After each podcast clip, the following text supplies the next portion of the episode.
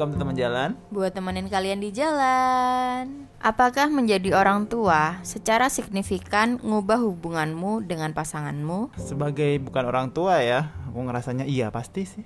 Hai teman-teman, suamiku dan aku udah bareng selama hampir 6 tahun dan kami berdua tuh netral. Meskipun ya aku berpikir kalau kami tuh lebih condong ke arah buat nggak punya anak. Satu hal yang bikin aku sangat khawatir kalau misalnya kita jadi orang tua adalah seberapa banyak hubungan kami bakal berubah. Kami tuh pasangan yang kuat banget dan berkembang dengan kepribadian kami yang konyol dan santai satu sama lain. Aku udah kenal pasangan-pasangan yang hubungannya itu jadi nggak kayak dulu gitu loh. Jadi lebih buruk gara-gara udah punya anak. Dan aku tuh takut kalau aku dan suamiku jadi bakal menderita. Aku tahu kita bisa ngelewatin hampir segala macam kesulitan, tapi aku nggak yakin kalau aku mau ngambil resiko. Kalian paham nggak? Jadi hanya dengan persyaratan yaitu menjadi orang tua, artinya kan bakal sedikit waktu dan uangnya juga makin berkurang. Terus jadi lebih stres dan jadwalnya itu kan jadi sangat teratur banget. Aku ngerasa kalau kita bakal dipaksa untuk kehilangan hal-hal atau sifat-sifat kepribadian yang ngebuat hubungan kita itu hubungan pernikahan kita jadi sangat menyenangkan selama ini. Apakah kalian ada juga yang khawatir sama hal ini atau malah udah punya pengalaman? Ada yang komentar. Aku punya anak umurnya 3 tahun. Berdasarkan pengalamanku Pasanganmu nggak berubah sama sekali sih Walaupun udah punya anak. Menurutku permasalahannya itu lebih ke salah satu atau kedua pasangan itu ngarepin yang lain bakal berubah untuk meningkatkan kesempatan di antara mereka kalau kamu ngelakuin hal lebih dari bagian tugas-tugasmu misalnya di rumah dan itu bikin kamu kesel tapi itu sebenarnya bukan masalah yang besar uh, jadi kayak kamu bakal tetap ngelakuin lebih besar dari bagianmu yang seharusnya. Terus ditambah lagi punya anak.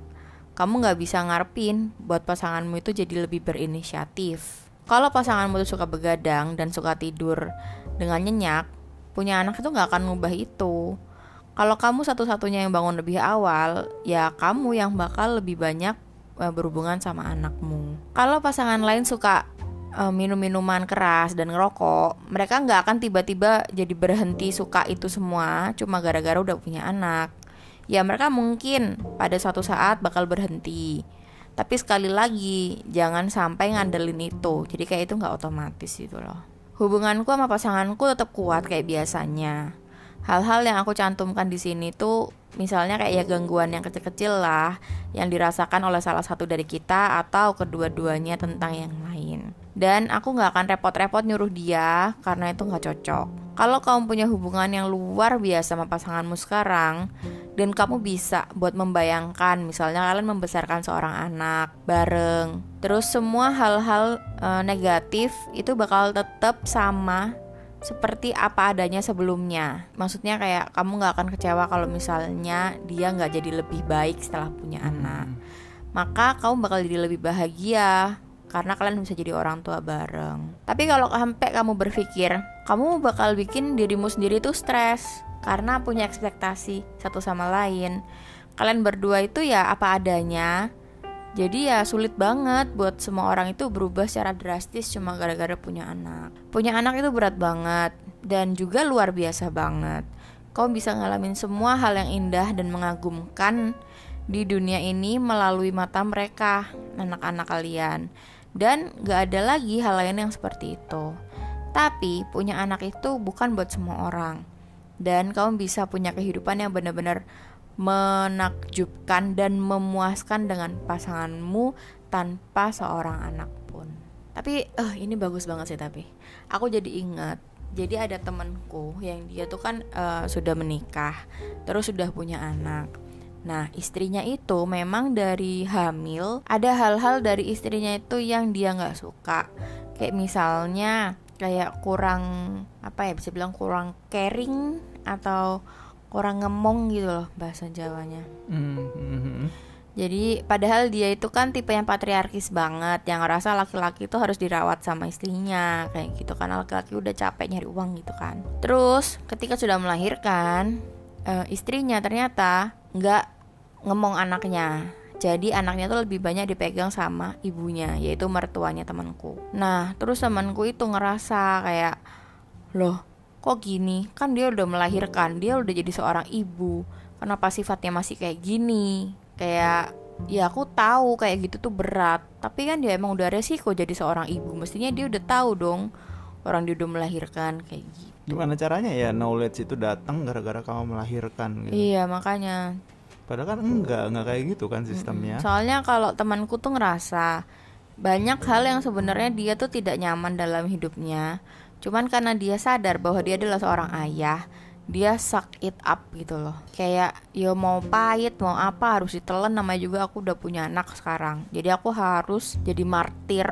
Yang penting aku bisa bawa pulang uang buat anakku kayak gitu. Nah dia berekspektasi hal yang sama terhadap istrinya.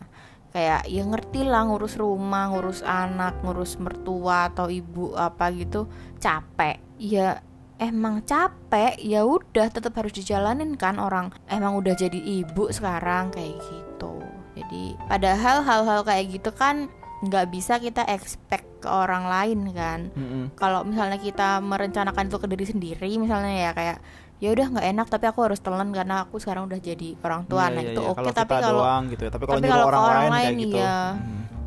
itu bakal doom banget sih dan banyak juga tuh ada orang yang ngerasa gini dia tuh loh kenapa sih egois banget jadi orang misalnya kayak gitu kan Hmm. terus misalnya aku aku jawab orang dia kan baru umur segini ya wajar lah kalau dia masih egois Iya. masih muda Mm. gitu umurnya baru 20-an gitu kan terus dijawab lah "Eh, masih muda apa orang dia udah brojol dua kepala kayak gitu gara-gara emang sih anak tadi tuh udah punya dua anak kayak gitu jadi Mm. berharap beranggapan bahwa orang yang udah melahirkan dua kali otomatis seharusnya Jadi ya sudah bijak. dewasa kayak Mm. gitu udah nggak kekanakan lagi padahal menurutku nggak ada hubungannya gitu sih Aneh ya, kayak apa yang orang lain itu harapkan dari sebuah kejadian biologis lahirlah suatu wisdom kayak gitu loh. Itu tapi mungkin nggak sih kalau emang dasarnya tuh dari dulu itu kita dianggap dewasanya itu secara biologis juga. Wah anak ini udah dewasa, kenapa udah mens misalnya kayak gitu. Mm-mm. It doesn't mean nggak sih? Mm-mm. Ya udah mens itu ya udah siap bereproduksi bukan berarti dia itu sudah dewasa secara pemikiran kayak gitu Mm-mm. kan itu sih aneh banget sumpah dan itu tetap dipakai sampai ke dalam bentuk melahirkan dalam bentuk punya anak kalau cowok misalnya kayak gitu terus eh, kayak kamu udah punya anak kok kerjaanmu masih kayak gini-gini aja misalnya kayak gitu kan ke cowok kayak gitu atau ke cewek juga kayak gitu. Ya mau gimana emang nggak ada sekolahnya? Kita kan berubah kita menambah ilmu atau kayak gimana itu kan melalui suatu, suatu tahap pendidikan kayak gitu kan ceritanya. Tapi ini kan nggak ada pendidikan nggak ada apa. Kalau emang nggak ada kemampuan berpikir secara mandiri untuk hidup itu kayak misalnya dalam menghadapi suatu masalah itu kamu berpikir mandiri misalnya kamu sebagai ibu tuh kamu harus A harus B harus C misalnya kayak gitu. Berpikir gimana caranya untuk ngelakuin kewajibanmu. Mm-mm. tapi kalau emang nggak pernah ada inisiatif berpikir kayak gitu gimana? Ya bakal terus-terusan jadi orang yang belum punya anak dua hari sebelum melahirkan nggak sih? Ya sama aja. Padahal kalau misalnya mau jujur kan ya namanya melahirkan itu bisa kapan pun semenjak setelah kamu mense gitu kan. Berarti kalau logikanya kayak gitu anak-anak SMP yang misalnya main-main doang sama temannya tapi kemudian hamil terus melahirkan itu adalah orang masa paling bijak dia lebih kita. dewasa dibandingin kita gara-gara Iya. kita udah setua ini tapi nggak punya anak kayak gitu. Mm-mm. Kan logikanya nggak masuk Nggak sih masuk kayak gitu. akal. Tapi orang-orang tuh selalu ada ekspektasinya yang kayak gitu. kamu tuh udah jadi ibu problemnya gini eh banyak juga yang dengan sengaja nih misalnya pacar-pacaran nih sama pasangannya. Terus dia tahu pasangannya tuh kayak nggak bisa komitmen nggak bisa apa nggak bisa apa kayak gitu kan. Nggak bisa komitmen nggak bisa apa gitu. Terus kemudian ceweknya nih berpikir oh mungkin eh, cowok ini butuh buat tanggung jawab. bertanggung jawab supaya nanti dia bisa jadi lebih dewasa kayak Mm-mm. gitu. Jadi bisa jadi dengan sengaja eh, hamil atau gimana atau nuntut harus dinikahin kalau enggak ntar putus gitu. Dan mungkin cowoknya akhirnya mau karena takut kehilangan akhirnya mereka nikah. Terus juga nggak ada babi bu soal kita merencanakan punya anak atau enggak. Karena ya literally orang habis nikah ya udahlah ya seks seks seks aja kan. Dan akhirnya ceweknya hamil terus punya anak terus dia ngira eh cowokku abis ini bakal jadi bapak kayak gitu kan. Terus dia bakal jadi lebih dewasa lebih bertanggung jawab gitu. Akhirnya cowoknya emang udah punya anak tapi yang namanya cowok itu hatinya kan nggak bisa dibohongin ya. Maksudnya emang hatinya dia tidak kuat untuk berkomitmen. Yang ada ya dia malah bakal jadi neglecting gitu nggak sih? Aslinya kayak gitu. Dan aku mikirnya kayak nggak semua orang tuh dikasih push. Itu tuh hasilnya tuh positif kayak gitu loh. Mm-mm. kan ada banyak orang yang pola pikir kayak gitu kan. Aku kuliah yang mahal aja deh biar aku rajin misalnya. Aku kredit rumah aja deh biar aku kerjanya rajin misalnya gitu. Ya sama kayak aku punya anak aja deh biar aku bisa bertanggung jawab kayak gitu. Tapi nggak jarang ada orang leasing mobil mobilnya diambil. Leasing rumah rumahnya diambil kayak gitu iya kan. benar. Dan kalau punya anak gimana? Kan anaknya nggak bisa diambil ambil jadi kayak nggak gitu nggak bisa bayar sekolah jadi sekolah, ya. ngutang sekedar nggak gitu. bertanggung jawab aja pada anaknya kayak gitu. Dan kayak kejadian-kejadian kayak gitu itu kan nggak jarang iya sering banget malah apalagi kepada keluarga yang yang nggak direncanakan kayak gitu Mm-mm. itu malah lebih sering di keluarga yang nggak direncanakan Iya, tapi mentalnya orang-orang kan banyak yang kayak gitu kan, ngerasa aku nggak bisa nabung, kalau nabung uangku bakal habis Hmm. terus. Jadi aku harus cicilan, aku harus ambil utang ke bank, aku harus ambil kredit biar aku bisa bayar cicilan tiap bulan. Padahal kalau dia nabung sebenarnya ya sama aja kan sama cicilan aslinya. Malah lebih menguntungkan nabung karena nggak ada bunganya kan, malah Hmm. nambah tabungannya. Cuman emang ada orang-orang yang apa ya emang nggak bisa ya udah mindsetnya dari awal dari orang dari tuanya pesi- kayak gitu. pesimisnya kayak gitu ya kayak "Ah, nggak bisa nabung oh nggak bisa ini Padahal kalau kita logika kan kalau misalnya kamu nabung aja nggak bisa, cicilan bahaya banget nggak sih? iya Kamu udah bayar misalnya separuh, terus ujuk-ujuk kamu kenapa? Ada apa? Terus nggak bisa bayar, orang-orang malah ya- disita 100% gitu. orang-orang yang bilang itu juga banyak yang bilang malah. Orang-orang yang menyarankan beli rumah gitu ya. Minimal kamu ada tabungan 6 bulan buat jaga-jaga cicilan kayak gitu kan. Tabungan cicilan 6 bulan kayak gitu. Karena kita nggak bisa nebak bakal kejadian apa nanti di masa depan. Nah itu aja disuruh nabung dulu kayak gitu. Ini gimana? Udah udah nggak bisa nabung malah maksa beli rumah. Orang-orang nyuruh beli rumah aja nyuruh kita punya cadangan buat kayak gini. Dan balik lagi ke anak kayak gitu masa langsung punya anak aja gitu kan? Mm-mm. padahal dia nggak belajar Iya, apa dulu. banyak orang yang ngerasa kita tuh learning by doing kayak gitu. Kayak kita tuh jadi orang tua nggak bisa baca-baca buku karena kenyataannya fakta di lapangan bakal beda sama di buku. Apalagi Bukannya- tiap anak itu beda perlakuannya, terus kayak bukan gitu-gitu lah. bukannya hampir semua hal di lapangan itu nggak sesuai sama buku ya Tapi bukan berarti kita harus datang tanpa persiapan Iya, kan? heeh. ya itu emang males aja nggak sih berarti orang kayak gitu banyak banget soalnya orang yang udah nggak usah baca-baca parenting atau tiap anak beda-beda jadi nanti kita pelajari anak kita sendiri aja sambil doing kayak gitu. Terus ujung-ujungnya ya bakal jadi ya nggak ngerti gimana cara jadi orang tua yang baik gitu. Terus ninggalin trauma ke anak itu sendiri dan Iya, anak itu bakal harus hidup muter dengan kayak terus. gitu terus anak itu punya anak lagi dan kayak gitu lagi ya benar sih. Ini yang jadi problem di orang-orang yang menganggap selain punya anak di pikirin kayak nanti kalau punya anak jangan kita berubah gitu ya. Kalau aku sih mikir kayak yang dibilangin sama cewek ini make sense kayak gitu loh.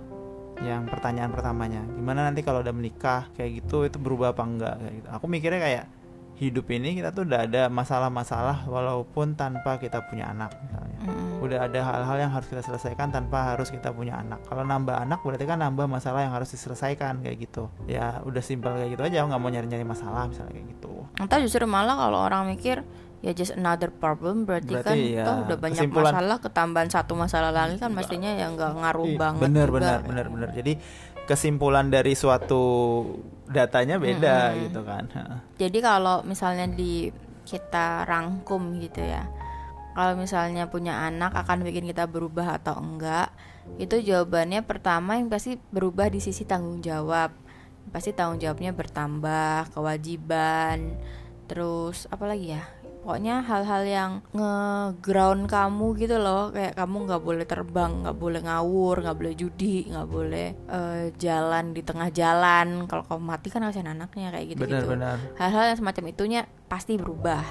Tapi kalau kamu as a person itu beda-beda di tiap orang kan. Karena ada orang yang prone to change, ada orang yang emang saking bebalnya ya it is what it is, aku emang kayak gini, Yoda kayak gitu loh.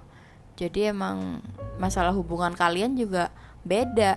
Untuk orang-orang yang hubungannya itu eh, emang dari awalnya nggak intimate maksudnya emang nggak deket nggak kayak sohib gitu kayak yang kalau ngelihat tiap hari suaminya misalnya sehari full harus bareng selama sebulan full tuh dia malah kayak kesel jadi bete jadi eh, bosen muak marah atau apa itu ketika ada anak itu bakal jadi kayak anak itu sebagai katalisnya mereka gitu loh penghubung antara suami dan istri ini supaya kalau mereka bareng itu mereka punya sesuatu yang bisa bikin mereka bahagia kayak gitu. Kebanyakan sih pasangan kayak gitu sih.